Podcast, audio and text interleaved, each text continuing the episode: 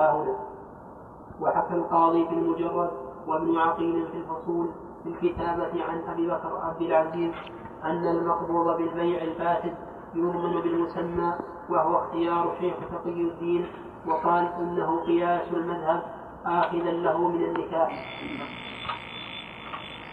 نعم. أخذا وعندنا فيها مدة نعم. إيه عاد الخطيات ما هم يكتبون يكتبون مدات نعم ويصلح المعنى يصلح سواء أخذ ولا أخذ نعم آخذا له من النكاح قال لأن إقباضه إذن له في إتلافه بالعوض المسمى فأشبه ما لو قال له أتلفه بألف درهم فأتلفه فإنه لا يستحق عليه غير ما سمي له ها؟ إيه. عندنا بين قوسين عليه كذا عندكم؟ نعم. فإنه لا يستحق عليه غير ما سمي له وقد يجاب عن هذا بأن المسمى إنما جعل عوضا عن الملك لا عن الإتلاف ولم يتضمن العقد إذنا في الإتلاف إنما تضمن نقل ملك بعوض ولم يوجد نقل الملك فلا يثبت العوض وإنما وجب الضمان بسبب المتجدد. طيب. هذا مما يتفرع على القاعدة. البيع ذكرنا أن المشتري يقبض المبيع مضمونا ولا غير مضمون؟ مضمونا. فإذا كان يقبضه مضمونا ووقع العقد فاسدا فهل يضمن ضمان المتلفات ولا يضمن بالمسمى؟ المذهب أنه يضمن ضمان المتلفات. وأضرب لذلك مثلا بعت عليك ثوبا بعشرة دراهم بعشرة دراهم وتبين أن البيع فاسد. تبين أن البيع فاسد لكون الثوب مثلا محرم اللبس أو لكونه غير ملك للبائع أو لسبب من الأسباب الموجبة لفساد العقد بعت عليك بعشرة دراهم.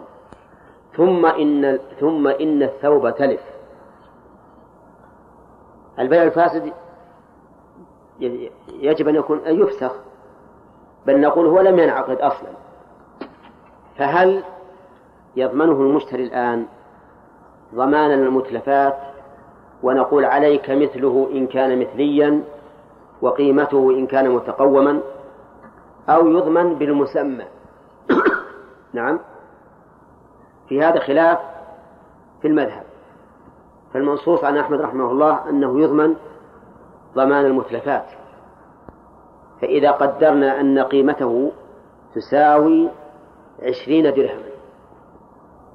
ألزم المشتري بعشرين درهما. ألزم المشتري بعشرين درهما حتى وإن كان تلفه بغير تعد ولا تفريط. لأنه دخل على أنه مضمون عليه. عرفتم؟ وعلى رأي شيخ الإسلام يقول إنه يضمن بالمسمى فلا يلزمه إلا إيش؟ عشرة دراهم حتى وإن كان يساوي عشرين. قال لأن البائع قد رضي بأن يكون عوض ثوبه كم؟ عشر دراهم. فهو كما لو قال للشخص أتلف هذا الثوب وأعطنا عشرة دراهم. فإنه لازمه أكثر من العشرة ولو كان الثوب يساوي مئة. واضح؟ فالمسألة فيها إذن قولان. ابن رجب رحمه الله رد على شيخ الإسلام ابن تيمية وقال إن هذا قد يفرق بينه وبين الإذن بالتلف. لأن المشتري أخذ هذا على أنه ملكه. والمعدول له في التلف أتلفه على أنه ملك من؟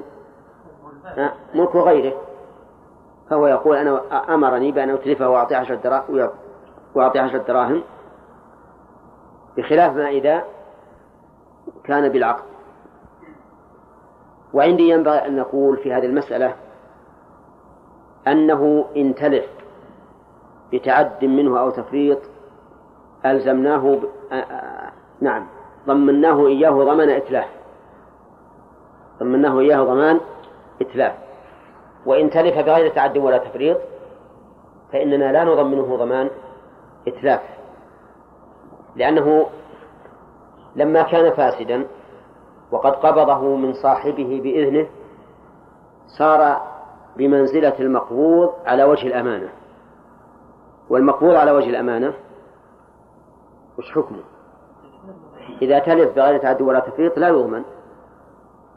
إذا تلف بغير تعد ولا تفريط فإنه لا يضمن. فكيف أضمن ما زاد على على ثمنه لو قيل بهذا القول المفصل لكان له وجه.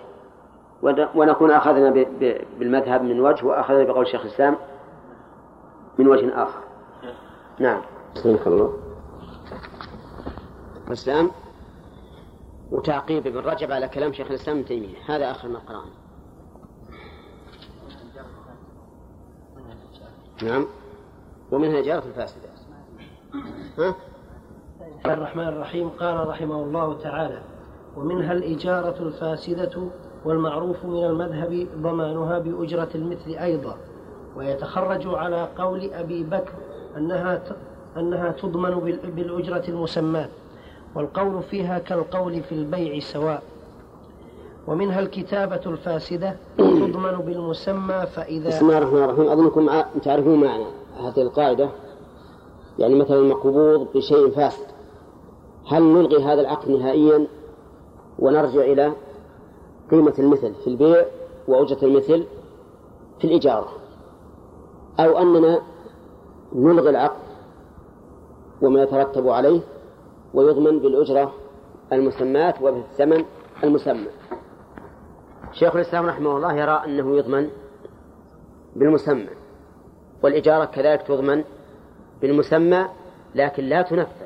فمثلا إذا قدرنا أن الإجارة لمدة خمس سنوات ثم تبين لنا أنها فاسدة بعد مضي سنة فإنها تلغى الأجرة. يعني لا لا يستمر فيها لأنه لا يجوز الاستمرار في عقد فاسد. لكن هذه السنة هل نقدرها بأجرة المثل أو بالنسبة من المسمى. المذهب أن نقدرها بأجرة المثل. لماذا؟ يقولون لأن لأن العقد الفاسد وجوده كالعدم. وهذا المستأجر الذي قبض العين تلفت المنافع في يده بدون عقد صحيح. فيضمن بأجرة المثل. فإذا قدرنا أن أجرة المثل بمدة سنة ألف ريال وأن قسط هذه السنة من خمس سنوات خمسمائة ريال. ها. فعلى المذهب يضمنها بألف وعلى القول الثاني يضمنها بخمسمائة. لأن المست... لأن المؤجر دخل على هذا هذا العوض ورضي بهذا العوض والمستأجر لم يرضى أيضا إلا بهذا العوض. لم يرضى إلا بهذا العوض. لو علم أنه سيقدر عليه بقيمة المثل لم لم يستأجرها. فكلام الشيخ الشيخ رحمه الله أقرب من حيث القصد. كلام المذهب أقرب من حيث القواعد. وذلك لأن لأن الفاسد وجوده كالعدم. فإذا قلنا إنه عدم وجب الرجوع إلى قيمة المثل. كما رجعنا إلى المهر إلى مهر المثل فيما لو لم يسمى الصدق. نعم. ومنها الكتابة الفاسدة تضمن بالمسمى فإذا أدى ما سمى فيها حصل العتق ولم يلزمه ضمان ولم يلزمه ضمان قيمته ذكره أبو بكر وهو ظاهر كلام أحمد. واتفق الأصحاب على ذلك لكن المتأخرون زعموا أن الكتابة الفاسدة تعليق بصفة تعليق بصفة فلا يؤ... بصفة فلا يؤثر فسادها ولا تحريمها. لا فسادها. فلا يؤثر فسادها ولا تحريمها كما لو قال لعبده إن أعطيتني خمرا فأنت حر. فأعطاه عتق لوجود الصفة. وأما أبو بكر فعنده أن الكتابة عقد معاوضة أبدا وهو اختيار ابن عقيل وهو الأظهر. ولا يقع العتق عنده. ولا, ولا يقع العتق عنده بأداء المحرم لأن العقد لا ينعقد بعوض محرم بل هو عنده باطل. هذا أقرب أنه ما يعتق لأن هذا لأنه تبين أن العقد فاسد. وإذا تبين أن العقد فاسد خصوصا إذا قلنا أنه يضمن بقيمة المثل فإنه لا قيمة له حينئذ فلا ينفذ العتق. والمذهب يقولون إنه إذا كان العقد فاسد الكتابة فاسدة فكأنه عتق علقه على شرط والعتق المعلق على شرط. إذا وجد الشرط نفذ سواء كان هذا الشرط جائزا أم فاسدا. كقوله إن أعطيتني خمرا فأنت حر. فإذا أعطاه خمرا ها صار حرا مع أن العوض أو مع أن الشرط محرم. نعم. نعم. أي لكن متشوه العتق وقال وقال الشرع كل شرط ليس في كتاب الله فهو باطل.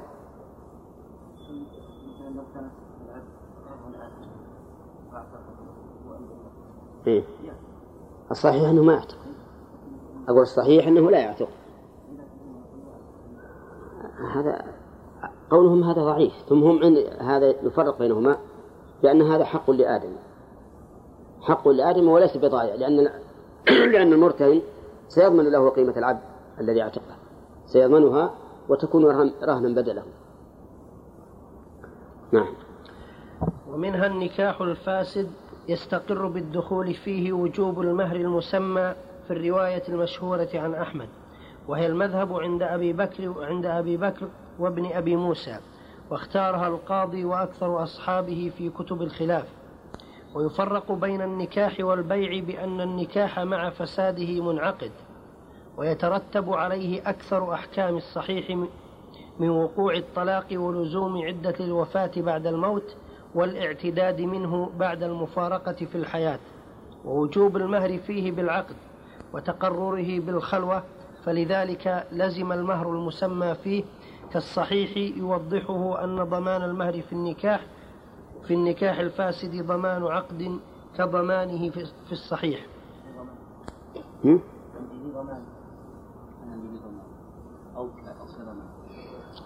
لا تجد كذا أو. كضمان نعم. كضمانه؟ طيب. اللي عندنا كضمان؟ عندك لضمانه ما هي بقاعدته بالكاف كذا؟ دائما كذا؟ خلنا نشوف. أحسن. أن الكاف أحسن؟ نعم. وضمان البيع الفاسد ضمان تلف بخلاف البيع الصحيح فإن ضمانه ضمان عقد. ضمانه.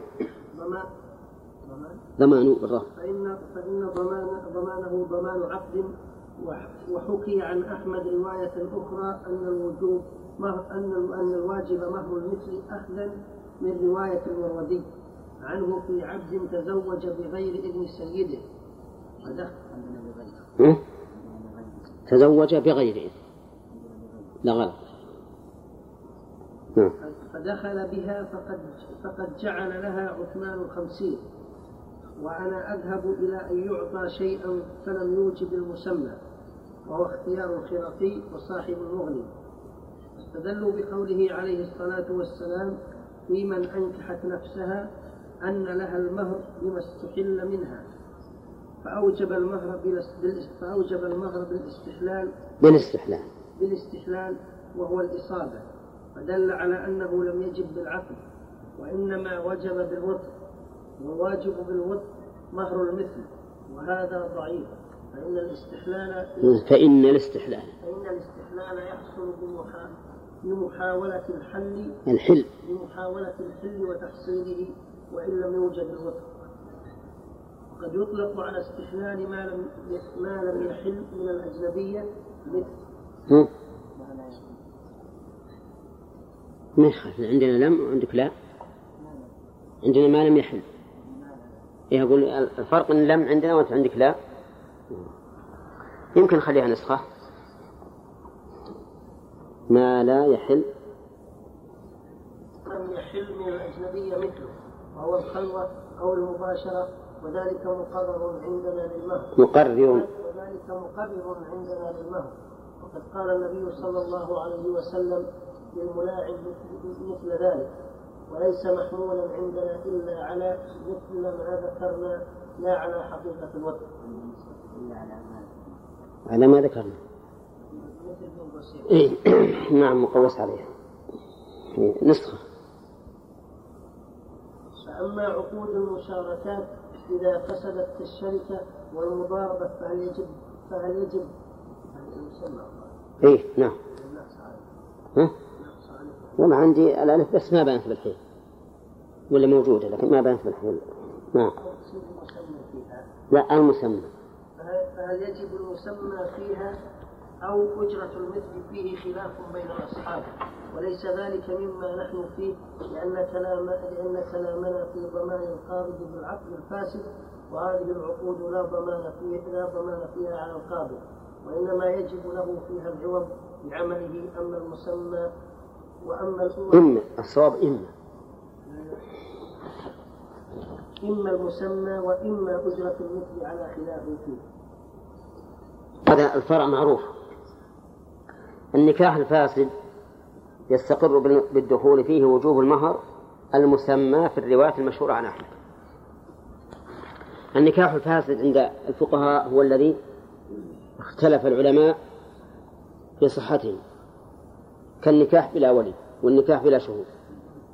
والباطل ما أجمع العلماء على فساده كنكاح المعتدة ونكاح الخامسة وما أشبه ذلك.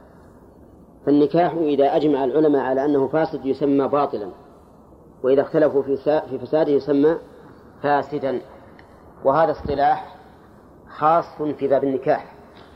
وإلا فعندنا في أصول الفقه للحنابلة أن الفاسد والباطل بمعنى واحد. وكذلك فرقوا بينهما في باب الإحرام. فقالوا إن الفاسد هو الذي جامع فيه المحرم قبل التحلل الأول والباطل هو الذي ارتد فيه. هذا يسمى باطلا وذاك يسمى فاسدا. طيب مثل رجل تزوج امرأة بلا ولي على عشرة آلاف ريال ودخل بها. والنكاح الآن فاسد يجب التفريق بينهما. لكن هل يجب عليه المهر المسمى لأن الوطأ مقرر للمهر؟ هل يجب عليه المهر المسمى أو يجب عليه مهر المثلي؟ المذهب أنه يجب عليه المهر المسمى لا مهر المثل. وذلك لأن النكاح الفاسد عندهم كالنكاح الصحيح في كثير من الأحكام وذكر المؤلف ذكرها المؤلف يقول رحمه الله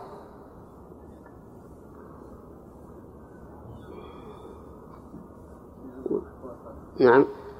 قال يفرق أن النكاح مع فساده منعقد يترتب عليه أكثر أكثر أحكام الصحيح. من وقوع الطلاق. ولزوم عدة الوفاة عندكم بعد الموت والاعتداد منه بعد المفارقة في الحياة ووجوب المهر فيه بالعقد وتقرره بالخلوة فلذلك لزم المسمى. كل هذه أحكام تترتب على الصحيح وعلى الفاسد وأظنه واضحة لكم الآن. ولا غير واضحة؟ ها؟ طيب. المثال الذي الذي ذكرنا رجل تزوج امرأة بلا ولي. النكاح فاسد. يجب لها المهر المسمى لا مهر المثل. المهر المسمى فيما مثلنا عشرة آلاف ريال. ومهر مثلها عشرون ألف ريال. الواجب لها عشرة. لماذا؟ لأن النكاح الفاسد كالنكاح الصحيح في غالب الأحكام.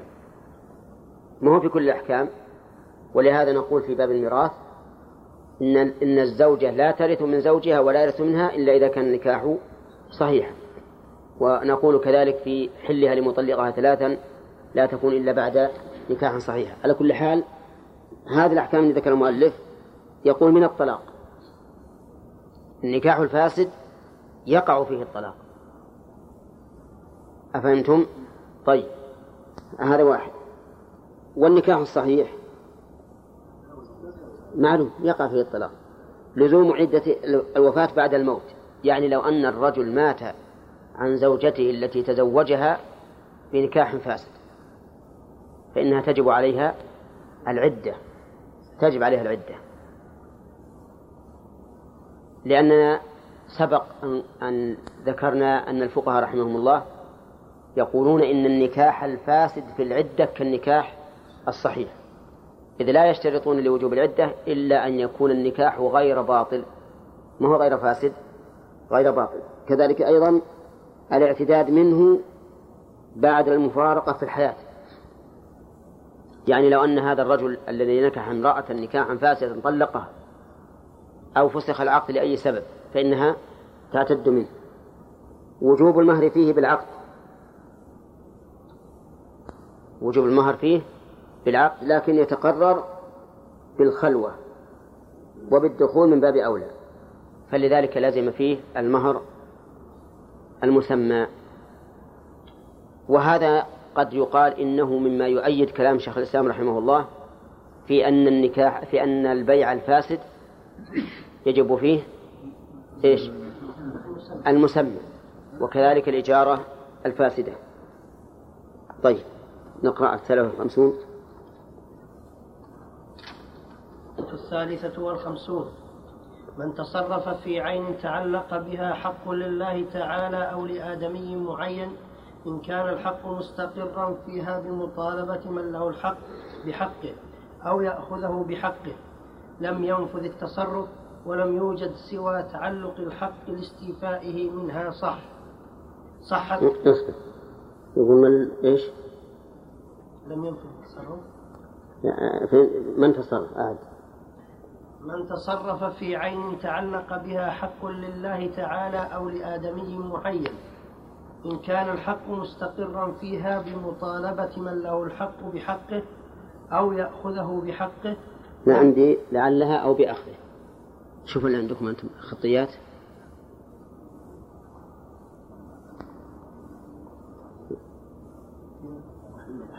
بأخذه؟ إيه أنا أنا حاط تعليق أو بأخذه لعله أو بأخذه. إذا نصحح ما دام عندكم من الإصغاء كذا وأنت عندك اختلفت ال بحقه لم ينفذ التصرف ولم يوجد سوى وإن لم يوجد. وإن لم يوجد. صح. إيه صح. وإن لم يوجد. ما معكم صح. وإن وإن لم يوجد سوى تعلق الحق لاستيفائه منها صح التصرف على ظاهر المذهب وقياس قول أبي بكر لا يصح حيث قال لا يصح وقف الشفيع ولا رهن الجاني. وكلامه في الشافي يدل على أن التصرف فيما وجبت فيه الزكاة لا يصح في قدرها وكذلك اختار أبو الخطاب في الانتصار. في الانتصار. وكذلك اختار أبو الخطاب في الانتصار أنه لا يصح التصرف في الجاني بالبيع لتعلق الحق بعينه فإن فداه فإن فداه السيد كان افتكاكا وسقط الحق المتعلق افتكاكا له. له. عندي له. صح نعم. فإن فداه السيد كان افتكاكا له وسقط الحق المتعلق به كما متعلق. وسقط الحق المتعلق به كما لو وفى دين وفي كما لو وفي كما لو وفي دين الرهن والمذهب الأول وهو الفرق بين أن يثبت استحقاقا يتعلق بال بالعين أن يثبت. وهو أن يثبت الفرق بين أن يثبت استحقاق نعم. يتعلق بالعين وبين أن يترتب على الثبوت مقتضاه بالأخذ بالحق أو بالمطالبة به. فالأول ملك ملك ملك أن يتملك. الأول ملك أن يتملك والثاني يملك أو طلب. تملك. والثاني تملك. إلى صححه تملك أو طالب بحقه الذي لا يمكن دفعه عنه وهو شبيه بالفرق بين المفلس قبل الحجر عليه وبعده. فالفلس مقتض للحجر والمنع من التصرف. ولا يثبت ذلك إلا بالمطالبة أو الحكم ويتخرج على هذه القاعدة مسائل كثيرة. ها؟ إيه إلا بالمطالبة هو الحكم. هو قال هو الحكم. نعم. هو قال أو؟ نعم. طيب. على كل حال هذه هذه القاعدة خلاصتها. إذا تصرف الإنسان في عين تعلق بها حق. حق لله أو حق لآدمي مثال التي تعلق بها حق لله كالمال الذي وجبت فيه الزكاة. المال الذي وجبت فيه الزكاة تعلق به حق لمن؟ لله عز وجل. ومثال الذي تعلق به حق للآدمي كالمرهون. فإن مالي الذي رهنته عند زيد تعلق به حق حق زيد. فهل تصرفي في هذا المال الذي تعلق به حق لله أو حق لآدم؟ هل هو صحيح أو غير صحيح؟ هذا هذا عنوان القاعدة. المؤلف رحمه الله يقول إن كان الحق مستقرا بمطالبة من له الحق أو بأخذه بحقه لم لم ينفذ التصرف. وإن لم يكن وإن لم يوجد سوى تعلق الحق فإن التصرف ينفذ. هذه خلاصة القاعدة. فالقاعدة أولا عرفنا أساسها. ما هو؟ إذا تصرف الإنسان بعين يملكها يملكها لكن قد تعلق بهذه العين حق لله كالزكاة أو حق للآدمي كالرهن فهل ينفذ تصرفه أو لا ينفذ؟ مثال ذلك أنا عندي مال وجبت فيه الزكاة نصف العشر مثلا. وش اللي فيه نصف العشر؟ الزرع. وبعت مالي. هل نقول إن بيعي لهذا المال صحيح أو يصح إلا فيما يقابل الزكاة وهو نصف العشر. المذهب أن البيع يصح واختيار أبي بكر الذي أشار المؤلف وله وليس أبا بكر الصديق لكنه أبو بكر من أصحاب الإمام أحمد من المتأخرين. لا. طيب نقول المذهب أن التصرف صحيح ويضمن الزكاة ولا تسقط؟ لا يضمن الزكاة ما تسقط. ولو سقطت لكان كل واحد إذا إذا أراد أن يزكي باعه وانتهى منه الرهن هل يصح بيعه أو لا يصح؟ نقول المذهب أنه إن كان المر إن كان المرتهن قد قبضه فالبيع لا يصح. وإن كان لم يقبضه فإنه يصح. والصحيح في هذه المسألة أن كل ما تعلق به حق لآدمي معين فإنه لا يصح التصرف فيه لأن في ذلك إسقاطا لحق الآدمي. وحق الآدمي ليس فيه مسامحة وعفو كحق الله عز وجل وعلى هذا فبيع الرهن لا يصح سواء قبضه المرتهن أم لم يقبضه. والله أعلم. نعم.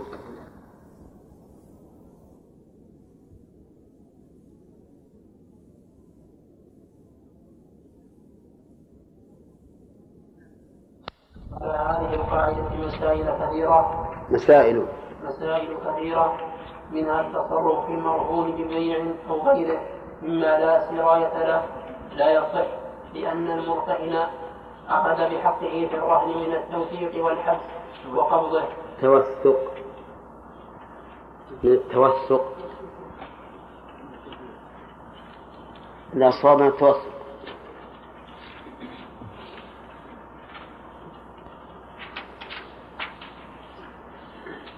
من التوثق والحبس وقبضه وحكم له به فهو بالنسبة إلى الرهن كورماء المفلس المحجور عليه. فأما العتق فإنما نفذ لقوته وسرايته كما نفذ حج المرأة والعبد بدون إذن السيد والزوج حتى أنهما لا يملكان تحليلهما على إحدى الروايتين كقوة الإحرام لقوة. بالله. لقوة الإحرام ولزومه ولهذا ينعقد مع مع فساده ويلزمه إتمامه. يلزم. ويلزم إتمامه. ومنها الشفيع إذا طال بالشفعة طيب التصرف في الرهن لا يصح. لا ببيع ولا هبة ولا وقف ولا رهن آخر. إنما ينفذ العتق فقط. يعني عتق المرهون يصح وينفذ مع الإثم. والصحيح أنه لا ينفذ أيضا لأن العتق قربة فلا ينال بالمعصية. فإذا كان لا يجوز بيع العبد المرهون فلا يجوز أيضا عتقه لأن في كل منهما تفويت حق المرتد. فالصواب أنه لا يجوز أن أن يعتق المرهون كما لا يجوز بيعه. وقولهم إنه إنه إن له قوة والسراية نقول نعم له قوة والسراية لكن إذا أنفذناه أبطلنا حق من؟ حق المرتهن يضيع حقه. إذا قلنا العبد الآن عتق ولا يمكن بيع ولا ويبقى طليقا معناها أن أضعنا حق المرتهن وقد قال الله تعالى وأوفوا بالعهد وقال يا أيها الذين آمنوا أوفوا أوفوا بالعقود نعم. ومنها الشفيع إذا طالب بالشفعة لا يصح تصرف المشتري بعد طلبه لأن حقه تقرر وثبت. وقبل المطالبة وقبل المطالبة إنما كان له أن يتملك والمطالبة إما تملك على رأي القاضي وإما مؤذنة بالتملك ومانعة للمشتري من التصرف. إذ تصرف المشتري إنما كان نافذا لترك الشفيع الاحتجار عليه والأخذ بحقه وقد زاد فإنها الشفيع المشتري عن التصرف ولم يطالب بها لم يصل المشتري ممنوعا. بل تسقط الشفعة على قولنا أي على الفور ذكره القاضي في خلافه. معروف هذا الشفيع؟ ها؟ الشفيع معروف؟ إيه. ها؟ الشفعة معناه أن الإنسان إذا باع نصيبه على شخص. فلشريكه لشريكه لشريكه أن يطالب المشتري بأخذ هذا الشخص. بأخذ هذا الشخص. واضح؟ مثل أنا وزيد مشتركان في أرض. فبعت نصيبي على عمر فلزيد شريكي أن يأخذ هذا النصيب بثمنه. هذه الشفعة الشفيع آه، المشتري لنفرض أنه باع نصيبه أو وقفه أو وهبه. نقول له ذلك. إلا إذا طالب إذا طالب الشفيع وهو الشريك بالشفعة فإنه ليس له الحق في أن يتصرف فيه. نعم. ومنها إذا حل الدين على الغريم وأراد السفر. فإن, فإن منعه غريمه من ذلك لم يجد له السفر. وإن فعله كان عاصيا به لأنه حبسه. ها؟ وإن فعله. ضمير؟ خلينا نسخ وإن فعل فعل يعني سافر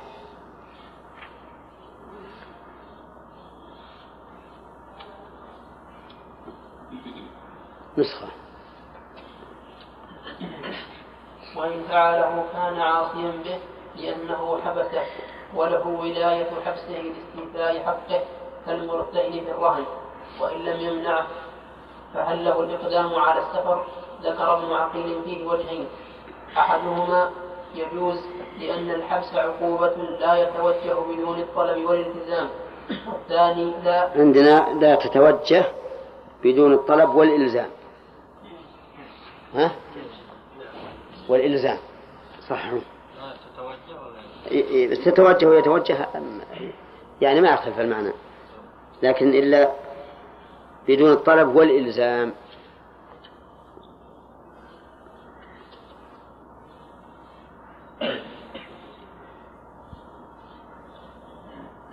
أحدهما يجوز لأن الحبس عقوبة لا يتوجه بدون الطلب والإلزام. والثاني لا لأنه يمنع لأنه يمنع بسفره حقا واجبا عليه لثبوت الحبس في حقه. لا لثبوت. لا لثبوت.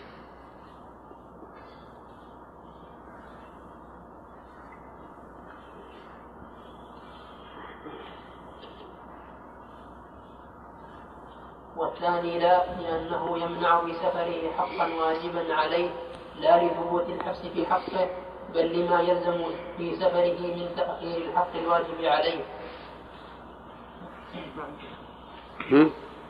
حق الواجب. لا عليه زين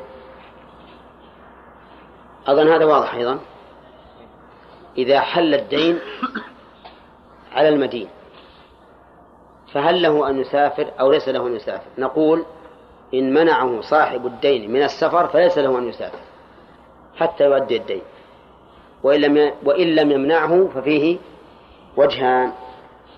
وجه أنه يجوز لأنه إلى الآن ما طالب.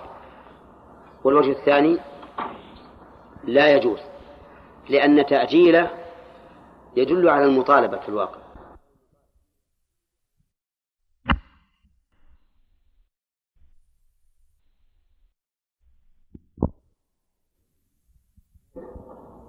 لا يجوز أن يسافر إلا بإذنه. لكن عاد يبقى النظر إذا قلنا لا يجوز إلا بإذنه صار عاصيا بالسفر. وإذا كان عاصيا بالسفر لم يجوز له أن يترخص لأن من من شرط جواز الترخص أن يكون السفر مباحا إلا على مذهب أبي حنيفة الذي اختاره شيخ الإسلام ابن تيمية فإنه لا يشترط أن يكون السفر مباحا. ويقول إن رخص السفر ثابتة حتى في السفر المحرم.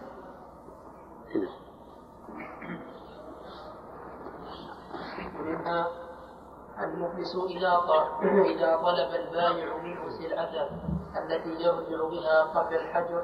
فيها عندي. التي يرجع فيها. فيها؟ فيها عندكم؟ طيب. مشت خلاص. التي يرجع بها قبل الحجر لم ينفذ تصرفه. نص عليه. قال إسماعيل بن سعيد سألت أحمد عن المفلس هل يجوز فعله فيما اشترى قبل أن يطالب البائع منه؟ قبل أن يطالب البائع منه بما بايع المشتري عليه فقال إن أحدث فيه المشتري عتقا أو بيعا أو هبة فهو جائز ما لم يطالب البائع. وذلك أن الحديث قال هو أحق به. ذلك وذلك ذلك. وذلك ما لم يطالب البائع ذلك. وذلك عن الحديث. لا ما عندنا ذلك. أجل. في النسختين ما لم يطالب الباء. ضمير أنا عندي ترك أحسن. ترك ذلك أحسن. ها؟ لا تكفي شيء. نعم.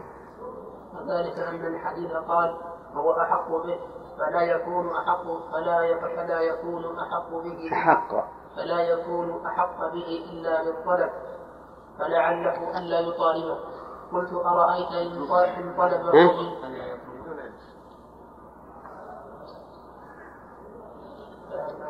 ألا إحنا عندنا فلا ألا يطالبه نحطها نسخة هذه. لأن فيها احتمال. ألا يطالبه نسخة ألا يطلبه.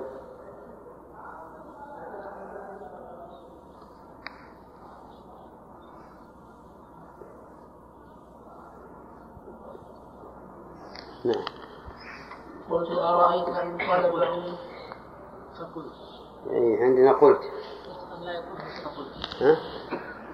ها؟ اي نعم نسخة لا يطلبه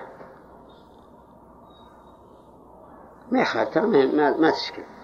قلت أرأيت إن طلبه منه فلم يدفعه إليه قال فلا يجوز بيعه ولا هبته ولا صدقته بعد الطلب.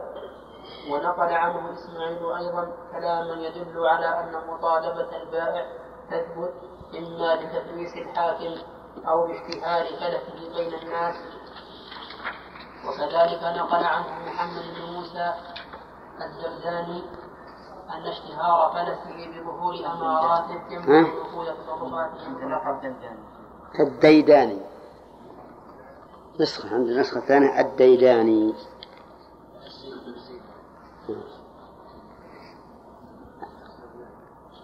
عندك الزيداني ولا الزبدان؟ الزبداني عجيب.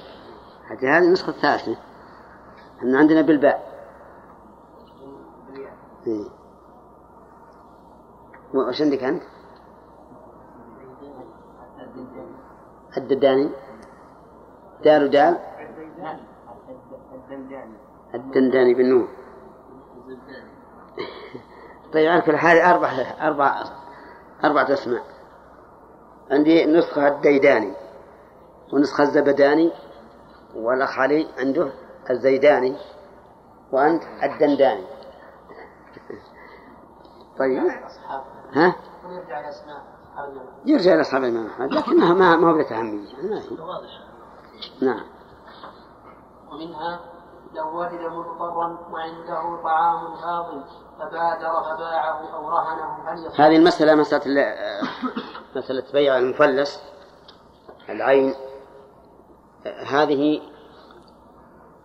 نقول فيها إن القول الراجح عندي أنه إذا كان يضر صاحب العين فلا يجوز التصرف. مثال ذلك أنا بعت على هذا الرجل سيارة.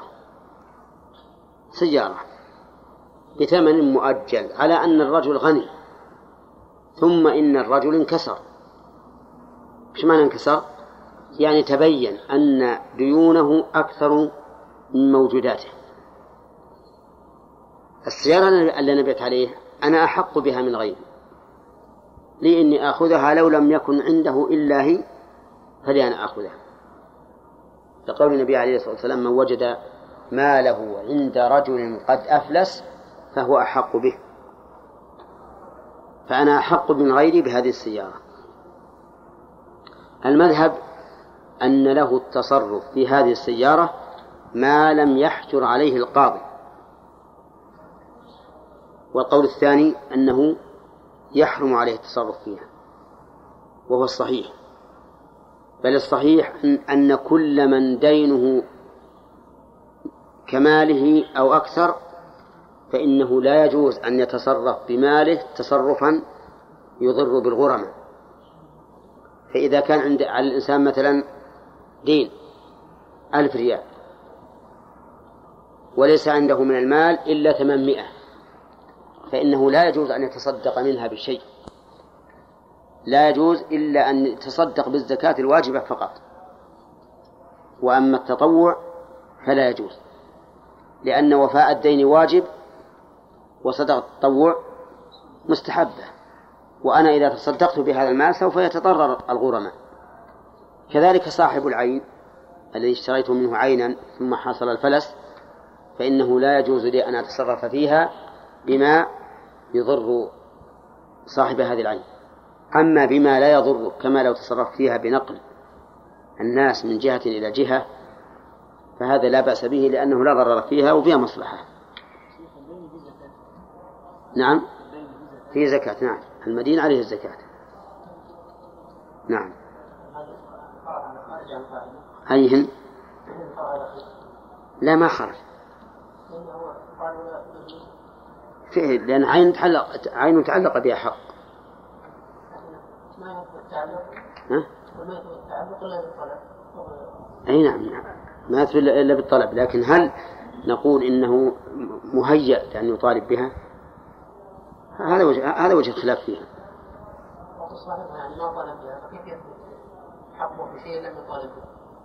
لأنه وإن لم يطالب به لفظا فهو مطالب به عرفا. كل إنسان ما يريد أن يتصرف الغريم بشيء يضره يضره. نعم. وكذلك نقل عنه محمد بن موسى الجبداني أن اشتهار فلسه بظهور أماراته يمنع نفوذ تصرفاته مطلقا.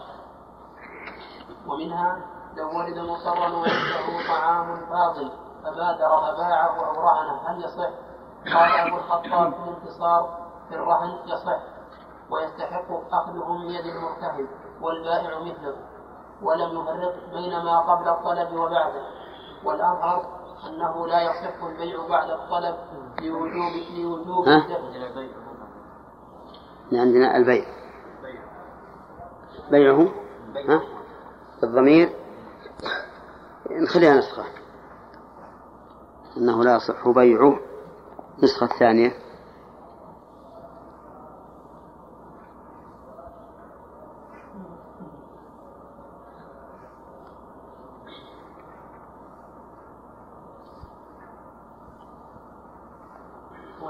أنه لا يصح البيع بعد الطلب لوجوب الدفع بل بل ولو قيل لا يصح بيعه مطلقا مع علمه باضطراره باضطراره لم يبعه لأنه لم يبعد.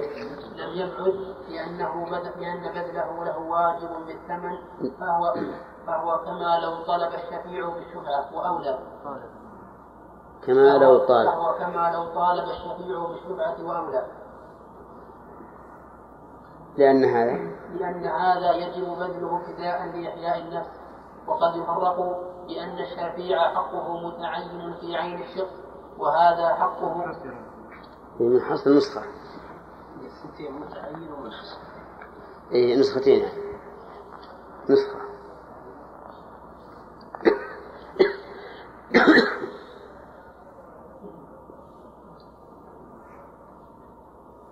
وهذا حقه في سد الرمق ولهذا كان إطعامه فرضا على الكفاية فإذا نقله إلى غيره تعلق, الحق بذلك الغير ووجب البدل عليه. البدل. ووجب البذل عليه. وأما ما تعلق به حق مجرد. واضح هذا؟ الفرح هذا واضح؟ ها؟ صورة مثل إنسان عنده طعام وفيه رجل مضطر للطعام. فهل يجوز لمن عنده الطعام أن يبيعه مع وجود المضطر؟ هذه هي المسألة. أنا عندي طعام عندي طعام زائد عن حاجتي وفيه رجل مضطر للطعام فأنا بعت هذا الزائد عن حاجتي على شخص آخر ثالث. هل يجوز أن أبيعه أو لا؟ يقول المؤلف إن كان هذا المضطر قد طلب الطعام فإنه لا يجوز أن تبيعه. لأنه بعد الطلب تعين حقه فيه وإن كان لم يطالب فيجوز ولكن المؤلف يميل إلى أنه لا يجوز مطلقا وذلك لأنه تعلق به حق الغير إذ أنه يجب علي أن أدفع هذا المال إلى المضطر سواء طلب أم لم أم لم يطلب. والفرق بينه وبين الشفيع أن الشفيع لا يتعلق حقه بهذا المبيع إلا بعد بعد الطلب. لأنه قد يريد أن يشفع أن يشفع وقد لا يريد. فإذا كان قبل الطلب فلا يتعلق حقه به. بخلاف هذا فإن كل إنسان مضطر فإنه مطالب بما عند الإنسان المستغني إما بلسان الحال أو بلسان المقام. ثم قال قد يفرق بأن هذا يعني صاحب الاضطرار يتعلق حقه بعين المال سواء عند بائعه أو عند مشتريه. وأنه ينتقل استحقاقه مع هذا المال وإن انتقل إلى المشتري بخلاف الشفيع. ولكن نعم نقول هذا فرق بلا شك لكن قد يطول أو أو تطول المسافة على المضطر. فبعد أن تبيعه على زيد يروح يبحث عن زيد من هو. ثم قد يكون زيد أسوأ حالا من هذا الرجل البايع ما يبذل المال. فالذي يظهر ما ذهب إليه المؤلف من أنه لا يجوز مطلقا أن يبيعه ما دام فيه مضطر له. العالمين والصلاة والسلام على نبينا محمد قال رحمه الله تعالى وأما ما يتعلق به حق مجرد فيندرج تحته مسائل متعددة منها بيع النصاب بعد الحول فإنه يصح نص عليه لأن الوجوب إن كان متعلقا بالذمة وحدها فلا إشكال وإن كان في العين وحدها فليس بمعنى للشركة ولا بمعنى انحصار الحق فيها ولا فليس بمعنى عندكم الشركة ولا الشركة؟ ها؟ إيه؟ فليس بمعنى الشركة ولا بمعنى حصل الحق فيها.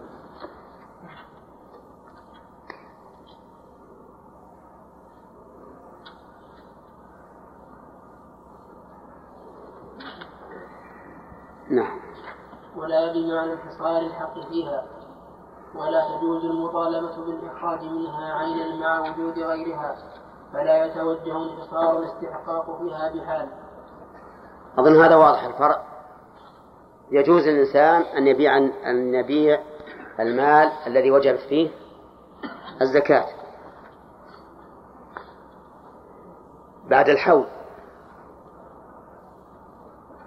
فإذا قال قائل كيف يجوز وقد تعلق به حق الفقراء؟ نقول هذا التعلق إن قلنا بأن الزكاة واجبة في الذمة فإن فإن الزكاة لم تجب أو لم لم تتعلق بهذا المال.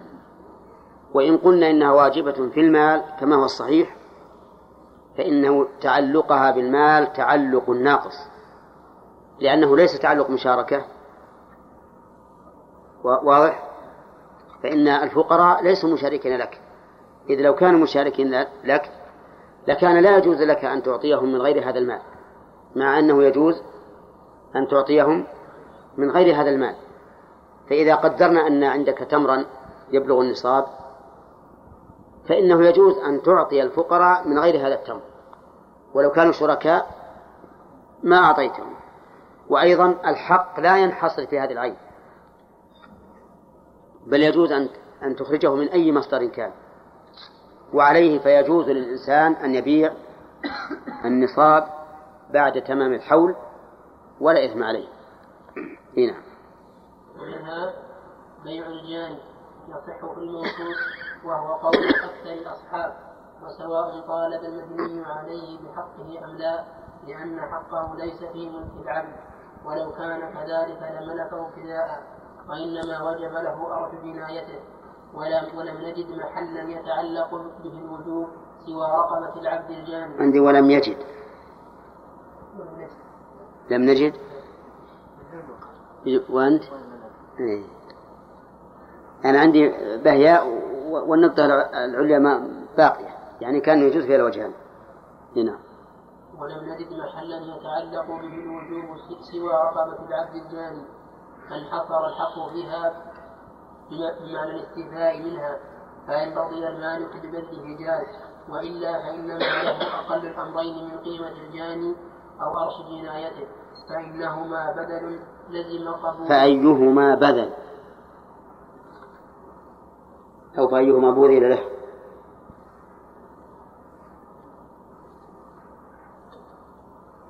فأيهما بذل له. فأيهما بذل فأيهما بذل لزم قبوله. نعم. لزمه قبوله. ها؟ اي نعم. بذل له لزمه قبوله ها؟ لا عندنا لزمه. فأيهما بذل له لزمه قبوله. إيه. وأنت؟ ها؟ فأيهما؟ لزمه قبوله. مثل اللي عندي. طيب. فأيهما بذل له لزمه قبوله.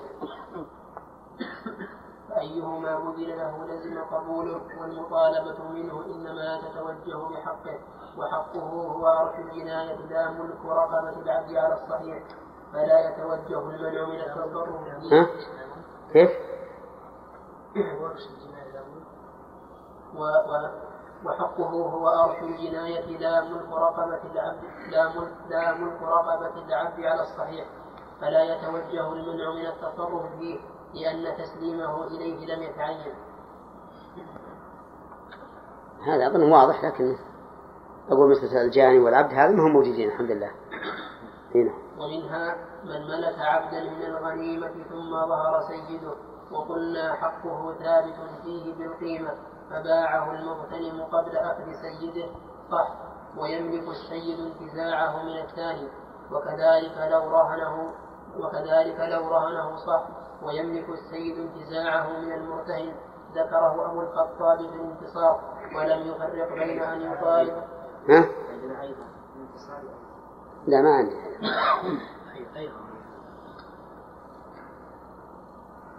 ما ما له ما له وجه لأنه ما ما ما سبق ذكره. هنا. ذكره أبو الخطاب في الانتصار ولم يفرق بين أن يطالب بأخذه أو لا ولا أظهر أن المطالبة تمنع التصرف كالشفعة. نسختان نعم تمنع مكتوب بالأسفل تقطع. ونظهر أن المطالبة تقطع التصرف كمطالبة الصحيح. إيه عندنا تقطع تقطع تمنع نسختان موجودة في الأصل في الأصل والحاشية وقولك كالشفعة هي نسخة ثانية كمطالبة الشفيع شوف إذا شوف والأظهر. أقرأ النسخة على حسب اللي عندي. والأظهر أن المطالبة تمنع التصرف كالشفعة هذه نسخة. نسخة أخرى. والأظهر أن المطالبة تقطع التصرف كمطالبة الشفيع. والمعنى واحد. يعني معناه إن كتبتها نسخة ولا فلا؟ فلا, فلا ضرورة. نعم. ومنها تصرف الورثة في التركة المتعلق بها حق الغرماء وفي صحته وجهان أصحهما الصحة وعلى المنع ينفذ بالعتق كالرهن. واختار ابن عقيل في نظرياته أنه لا ينفذ إلا مع يساره لأن تصرفهم تبع لتصرف الموروث في مرضه. وهذا متوجه على قولنا إن حق الغرماء تعلق بالتركة في المرض. لا شك أن قول ابن عقيل رحمه الله قول قوي جدا وهو أن الورثة يمنعون من التصرف في تركة المدين الميت المدين إلا إذا كانوا موسرين لأنهم إذا تصرفوا بها وهم معسرون فإن ذلك سبب لضياع حق الغرماء وانشغال ذمة الميت. فما قاله ابن عقيل رحمه الله أظهر. أي أنه لا يجوز للورثة أن يتصرفوا في التركة إذا كان الميت مدينا إلا إذا كانوا موسرين لأنهم إذا تصرفوا فيها وهم موسرون أمكننا أن نرجع عليهم وأن نأخذ من أموالهم لكن إذا كانوا معسرين وباعوها وأكلوها كيف نقول بصحة التصرف؟ الصواب أنه حرام ولا يصح. هنا ومنها تصرف الزوجة في نصف الصداق بعد الطلاق. إذا قلنا لم يدخل في ملك الزوج قهرا قال صاحب الترغيب يحتمل وجهين لتردده بين خيار بين خيار البيع وبين خيار واحد هنا واضح هذه؟ ها؟ ما طيب المرأة إذا طلقت قبل الدخول كم تستحق من المهر؟ تستحق النصف فإذا تصرفت في نصف الصداق وإذا قلنا لم يدخل في ملك الزوج قهرا فإن في صحة التصرف وجهين. قيل إنه يصح وقيل لا يصح والصحيح أنه لا يصح. كما إذا قلنا إنه يدخل في ملك الزوج قهرا لأنه لما طلقها الزوج صار نصف المهر له فلا يصح أن تتصرف فيه. قال نصف المهر. إي نعم. نصف المهر الذي ليس لها. أما الذي لها فهو حقه. نعم. ها؟ ما هو بالرجل إذا إذا طلق المرأة قبل الدخول فله نصف المهر. إذا تصرفت هي في النصف هذا الذي الذي رجع إلى زوجها فإنه لا يصح. وفي قول ثاني أنه يصح. بناء على أنه لم يدخل في ملك الزوج. نعم. ومنها نعم. قبل الطلاق يعني, يعني لا فاد الطلاق قبل الدخول. بمجرد انه يملك عليها خلاص. يتصرف أو تصرف بمجرد.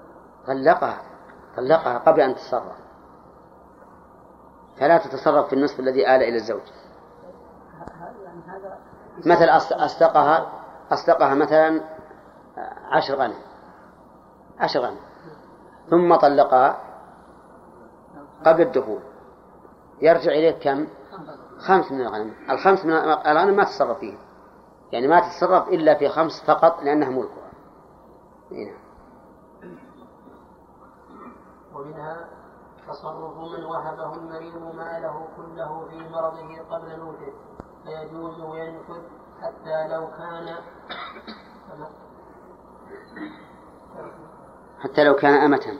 حتى لو كان أمة كان له وقتها ذكره القاضي وحده في خلافه واستبعد ما عندنا وحده. ما عندنا وحده. اشتبوا عليها. ذكره القاضي في خلافه. ذكره القاضي في خلافه واستبعده الشيخ تقي الدين. ما؟ عندنا وحده ولا في خلاف اكتب في خلافه واشتب على وحده. استبعده الشيخ تقي الدين لأنه يتوقف على على إجازة الورثة فكيف يجوز قبلها؟ وقد يقال هو في الظاهر ملكه بالقبض وموت الواهب فهو في الظاهر ملكه بالقبض وموت الواهب وانتقال الحق إلى الورثة مضمون فلا يمنع فلا يمنع التصرف. و... نعم. وأما تصرف ترى وموت الواهب ملكه بالقبض وموت الواهب وانتقال الحق إلى الورثة مظنون وموت الواهب وانتقال الحق إلى الورثة مظنون فلا يمنع التصرف. وأما تصرف طيب إذا قال قائل كيف مو- موت الواهب مظنون هنا أحد الموت المظنون يعني آه نعم. يعني موته قبل موت قبل الورثة. إذ من الجائز أن يموت الورثة قبله ولا تعلق حقهم بذلك. هنا وأما تصرف المشتري في مدة الخيار له في مدة الخيار له وللبائع.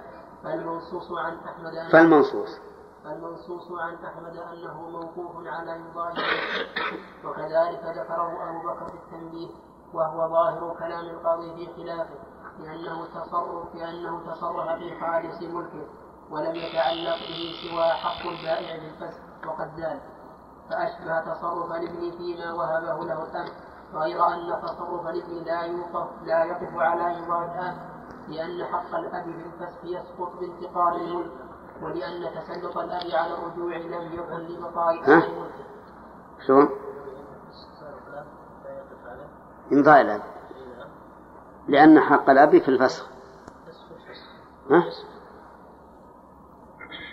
لأن حق الأب في الفسخ يسقط بانتقال الملك وش يقول؟ يعني نسخة في نسخة يقول لا يقف على إمضاء الأب في الفسخ بل يسقط بانتقال الملك. نسخة أخرى في الحاشية لأن حق الأب في الفسخ يسقط. أي. أنت عندك؟ ها؟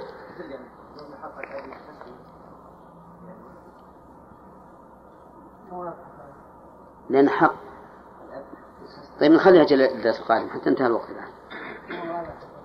إن- نخلي ألو... محمد. قال رحمه الله تعالى ومنها تصرف من وهبه المريض ماله كله في مرضه قبل موته فيجوز وينفذ حتى لو كان أمة كان له وقتها. ذكره القاضي في خلافه واستبعده الشيخ تقي الدين لأنه يتوقف على إجازة الورثة فكيف يجوز قبلها؟ وقد يقال هو في الظاهر ملكه بالقبض. وموت الواهب وانتقال الحق إلى الورثة مظنون فلا يمنع التصرف وأما تصرف المشتري في مدة الخيار له في مدة الخيار له وللبائع هذه واضح الفرع هذا ولا لا؟ ها؟ المريض إذا وهب ماله كله فإن ما زاد على الثلث يتوقف على إجازة الورثة ينظر إذا مات فما زاد على الثلث فإنه يتوقف على إجازة الورثة فالقاضي يقول يجوز للموهوب له أن يتصرف فيما وهب له وإن كان موقوفا على إجازة الورثة. وشيخ الإسلام يقول لا يجوز. لماذا؟ لأن للورثة حقا فيما زاد على الثلث فلا يتصرف لأنه ربما يضرهم. نعم. كأن المؤلف ابن رجب تلميذ تلميذ شيخ الإسلام عقب على شيخ الإسلام. فقال إن هذا الموهوب له ملك الهبة بالقبض ملك الهبة بالقبض. وكون المال ينتقل إلى الورثة أمر مظنون كيف أمر مضمون لأن هذا المريض قد يشفى قد يشفى وقد يموت الورثة قبله. يمتد به المرض ويموت الورثة قبله. فتعلق الحق بها حق الورثة بهذا ليس أمرا متيقنا. ولكن الظاهر ما ذهب إليه شيخ الإسلام رحمه الله. لأننا نعمل على إيش؟ على الظاهر. في هذه المسائل نعمل على الظاهر. واحتمال أن يموت هذا الواهب ويدلي الورثة بحقهم وارد ولا لا؟ وارد بل هو الأظهر. هو الظاهر. وإذا كان هو الظاهر فكيف نمكن هذا الإنسان من أن يلعب بالمال وهو لو مات لا يستحق من المال إلا إيش؟ إلا الثلث. ولكن كيف نخرج من هذا المأزق؟ لو فرض أن إنسانا أراد أن يهب شخصا كل ماله نقول نخرج من هذا المأزق بأن يجمع الورثة. المريض هذا يجمع الورثة يقول يا جماعة هذا رجل كان له فضل علي وإحسان علي وأنا أحب أن أهبه جميع مالي. أنا الآن ما عندي إلا البيت ودي أهب هذا الرجل هذا المال فإذا أذنوا فالصواب أن إذنهم معتبر. أن إذنهم معتبر. لأنه إن كان لهم حق فهم أهل الحق. وإن لم يكن لهم حق بأن ماتوا قبل الوارث فلا إذن لهم أصلا. إذا نقول إذا أراد يرحمك الله إذا أراد هذا المريض أن يهب ماله لأحد من الناس فما عليه إلا أن يستأذن من من الورثة. وينتهي الإشكال. هنا لا المرض المخوف. المرض المخوف الذي يعني يخشى منه الموت. نعم. وأما تصرف المشتري في مدة الخيار له وللبائع فالمنصوص عن أحمد أنه موقوف على إمضاء البيع وكذلك ذكره أبو بكر في التنبيه. فهو ظاهر كلام القاضي في خلافه لأنه تصرف في خالص ملكه ولم يتعلق به, به سوى حق البائع في الفسخ وقد زاد. فأشبه تصرف الابن فيما وهبه فيما وهبه له الأب غير أن تصرف الابن لا, لا يقف على إمضاء الأب لأن حق الأب في الفسخ يسقط بانتقال الملك. ولأن تسلط الأب على في الحاشية وش لأن حق الأب. في الفسخ. بس لأن حق الأب هذه في الحاشية على إمضاء الأب في الفسخ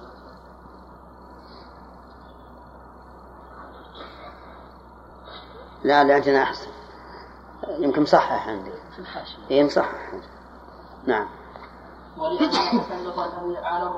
وين راح سامي عشان نراجعه؟ ما عليه. أوه يصير يتعبنا. الالتفات. زين؟ لا ما يخالف. خليه يبقى ها؟ لا ما يخالف ما يخالف. لا هسه هسه طيب وش عندك هكذا؟ ولأن حق الأب في الفسق يسقط بانتقال الملك طيب إذا صح عندك نعم. لا عندكم صواب ما في إشكال. بس الخطية نعم.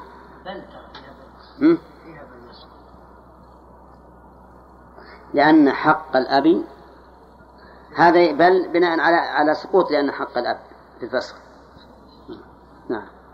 ولأن تسلط الأب على الرجوع لم يكن لبقاء أثر ملكه بل هو حق ثابت بالشرع مع ثبوت ملك الولد واستقراء واستقراء مع ثبوت ملك الولد واستقراره فلا يمنع التصرف. وفرض هذا في كل من أظنكم فاهمين الفرع الأول. تصرف المشتري في المبيع إذا كان الخيار له وللبائع. نقول هذا لا يجوز لأنه إسقاط لحق البائع. ولكن الإمام أحمد قال إنه موقوف على إمضاء البيع إمضاء البائع للبيع فإذا أمضاه تبين صحة التصرف وإن لم يمضه لم يصح التصرف. وهذا الذي قاله الإمام أحمد جيد بلا شك لأنه لأن الحق لمن؟ الحق للبائع. فإذا أمضى البيع وقال خلاص أنا أعتبر أن البيع ماضي ولا خيار لي. زال المحذور. أما إذا كان إذا كان الخيار للمشتري وحده فتصرفه جائز. تصرف المشتري فيه جائز ولا بأس به. وتصرفه به إسقاط لخياره. ثم عرج المؤلف على تصرف الابن فيما وهبه له أبوه وأنه نافذ مع أن أباه يملك الرجوع فيما وهبه له لكن إذا إذا تصرف الابن بذلك سقط سقطت أو سقط حق الأب من الرجوع. مثال على تصرف على مثال على تحقيق تصرف المشتري. ها؟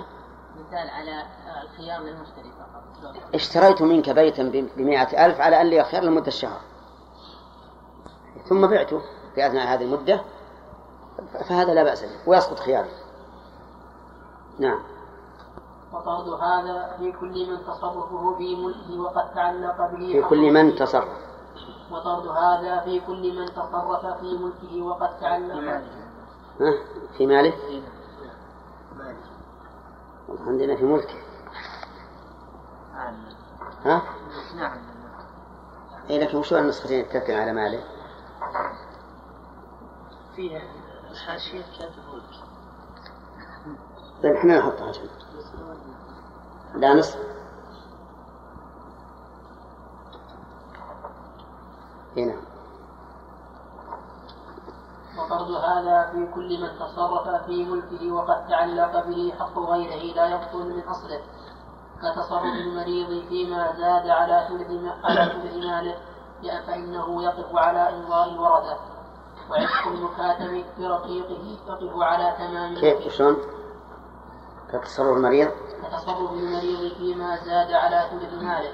فإنه يقف على إمضاء الورثة وعتق المكاتب لرقيقه يقف على تمام ملكه. ذكره أبو بكر تمام ملكه بالعتق. عندك؟ لا حطوه علقوه هذه موجودة عندي نسخة. نسخة صحيحة مصححة يعني.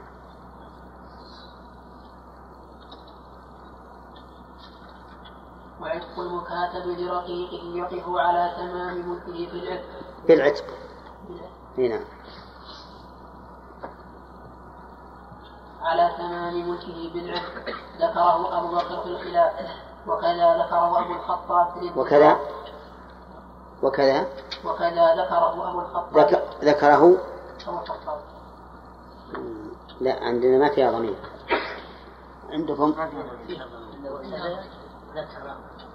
ذكره أبو الخطاب؟ ذكره. أبو الخطاب. تقصد ضمير الهاوي إيه ذكره أبو الخطاب. نعم ذكره. إذا نسخة أنا خلاص تبقى. أنا عندي يمكنها مشطوب مشطوب عليه محكوك. هنا. وكذا ذكره أبو الخطاب في الانتصار في انتصاره إيه. نعم عندنا في الانتصار وهو نفس الشيء. الانتصار في مس في مسألة إجازة الورثة أن تصرف الراهن يصح ويقف على إجازة المرتهن وذكر الشيخ مجد الدين أن هذا قول من يقول بوقف تصرف الفضول. وذكر أبو الخطاب أيضا مجد الدين من هو؟ أي عبد السلام بن تيمية. جد صاحب جد شيخ الإسلام ابن تيمية نعم. وذكر أبو الخطاب أيضا أن تصرف المشتري في الشخص المشفوع يقف على إجازة الشفيع. يصح ويقف. يصح ويقف.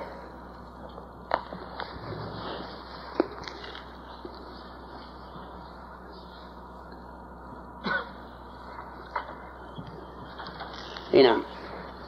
كل هذه الفروع التي ذكرها في التصرف فيما يتعلق به حق الغير الصحيح أن التصرف صحيح ويقف على الإجازة وهذا ما يعرف عند العلماء بتصرف الفضولي هنا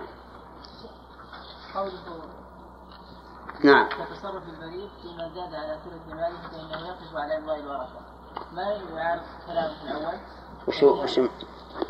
قوله كتصرف المريض فيما زاد على ثلث ماله فإنه يقف على إمضاء الورثة إي نعم.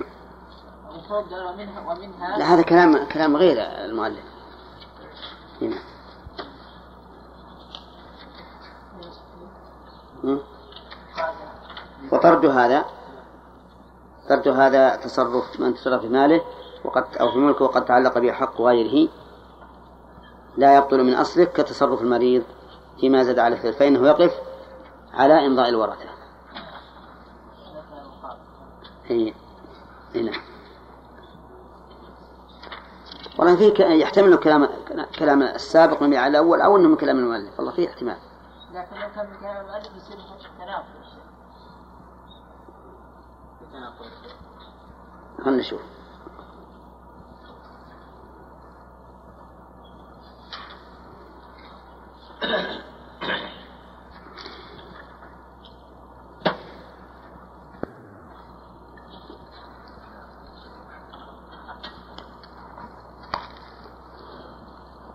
الثامنة والخمسون من تعلق به الامتناع من فعل هو متلبس به فبادر إلى الإقلاع عنه أن يكون إقلاعه فعلا للممنوع منه أو تركا له فلا يترتب عليه شيء من أحكامه هذا. أو إلى الصواب أو لأن أم تأتي بعد همزة التسوية وأم بها عطف ها؟ إثر همزة التسوية لا أو أصح لكن ما يخالف ماشي. هنا أو تركا له فلا يترتب عليه شيء من أحكامه. هذا عدة أنواع. أحدها ها؟ عدة بين قوسين محطوط عندي عندكم أنتم هذا أنواع ما يخالف ترى ما ما يضر هنا ها؟ القاعدة من تعلق به الامتناع من فعل شيء هو متلبس به. فبادر إلى الإقلاع عنه. هل يكون إقلاعه فعلا للممنوع منه أو تركا له؟ شوف الآن حال سؤالك بينه وبين الدخول في القاعدة. يعني مثلا إنسان الآن هو مثلا يجامع زوجته في نهار في في رمضان فأذن الفجر. أذن الفجر وهو جامع هل إقلاعه يكون فعلا للمحظور أو تركا له؟ ها؟ في خلاف. المالك في يأتي فيه خلاف. هذا إن بقي فعليه الكفارة. وإن نزع فعليه الكفارة. ها؟ ينزع ينزع ويكفر. لأنه يقول إن إن مفارقة المحظور فعل الله. إيه والصواب إنه ترك. كلنا يعرف إن هذا ترك. أين نعم.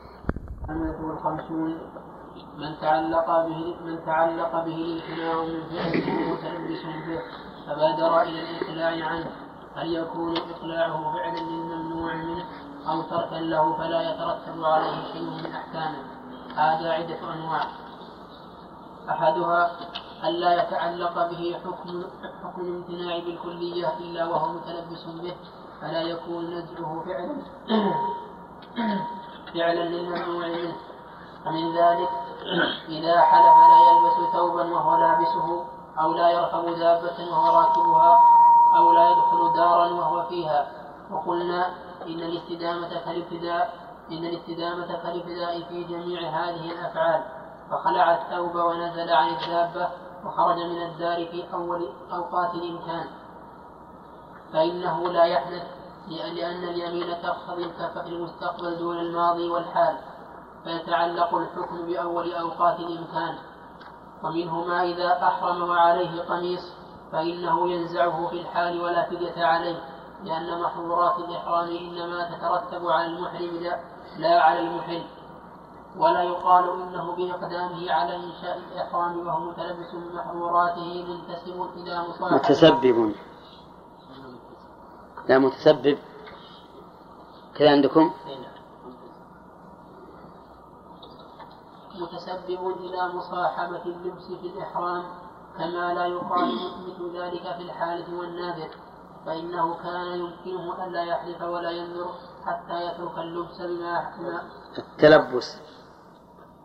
حتى يترك التلبس بما يحلف عليه ومنه ما إذا فعل فعلا محرما جاهلا أو ناسيا ثم ذكر فإنه يجب عليه قطعه في الحال ولا يترتب عليه أحكام متعمد. جاهلا أو ناسيا؟ ساهيا أو ناسيا جاهلا لا جاهل. الساهي ما هي الناسي إيه صواب جاهلا. ولا يترتب عليه أحكام المتعمد له. أحكام المتعمد له. طبعا هذا واضح. هذه الفروع واضحة. إذا كان الامتناع لم يتعلق إلا وهو متلبس بالفعل. متلبس بالفعل فهنا لا يكون تركه فعلا للممنوع منه. مثل قال والله لا ألبس ثوبا أو لا ألبس هذا الثوب أحسن لا ألبس هذا الثوب وهو الآن لابسه. ثم خلعه فورا فإنه لا كفارة عليه. لماذا؟ نعم. لأنه, لأنه لم يتعلق المنع إلا وهو متلبس به. متلبس به. كذلك رجل أحرم وعليه ثياب. أحرم وعليه ثياب. فهل يل... وخلعها في الحال. هل يلزمه فدية؟ ها؟ لا. ولا إثم. ولا إثم. لأنه تعلق التحريم بهذا الثوب وهو متلبس به. فتركه وخلعه ليس كفعله. ومن ذلك أيضا ما لو فعل المحرم ناسيا أو جاهلا. ثم ذكر. فتخلى عنه فإن تخليه ليس فعلا للمحظور. ولهذا لما علم الرسول صلى الله عليه وسلم أن فينا عليه أذى أو قدرا خلعهما. هل نقول إن خلعه إياهما فعل للمحظور؟ أبدا. بل هو تخل عنه.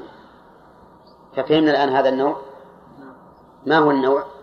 النوع الأول أن لا يتعلق المنع به المنع منه إلا وهو متلبس به. فهنا لا يكون تخليه عنه فعلا للممنوع. طيب. ها؟ الذي يحرم عليه نعم. ما يكون فعل المحظور؟ لا لأنه خلع على طول. خلعه فورا. وهو متعمد يحرم الثياب عليه؟ أي وهو متعمد. أصل أصله قبل أن يحرم يحل له أن يلبسها نعم. كيف؟ معناها ستأتي في الأنواع اللي بعد. كيف الجاهل؟ لا ما أحرم عليه الثياب. أحرم عليه الثياب ثم خلع على طول. أو مثل ناسي افرض أنه مثل ناسي. إنسان أحرم ونسي لا يفسخ سرواله أحرم بإزار ورداء ونسي السروال. ثم ذكر وعلى طول خلع السروال. هل نقول إن خلعه للسروال فعل لللبس وعليه الفدية؟ لا؟ إي نعم نعم لأن المتعمد أن يفعل هذا الشيء قبل أن يكون محظورا. لكن أثناء تلبسه تلبس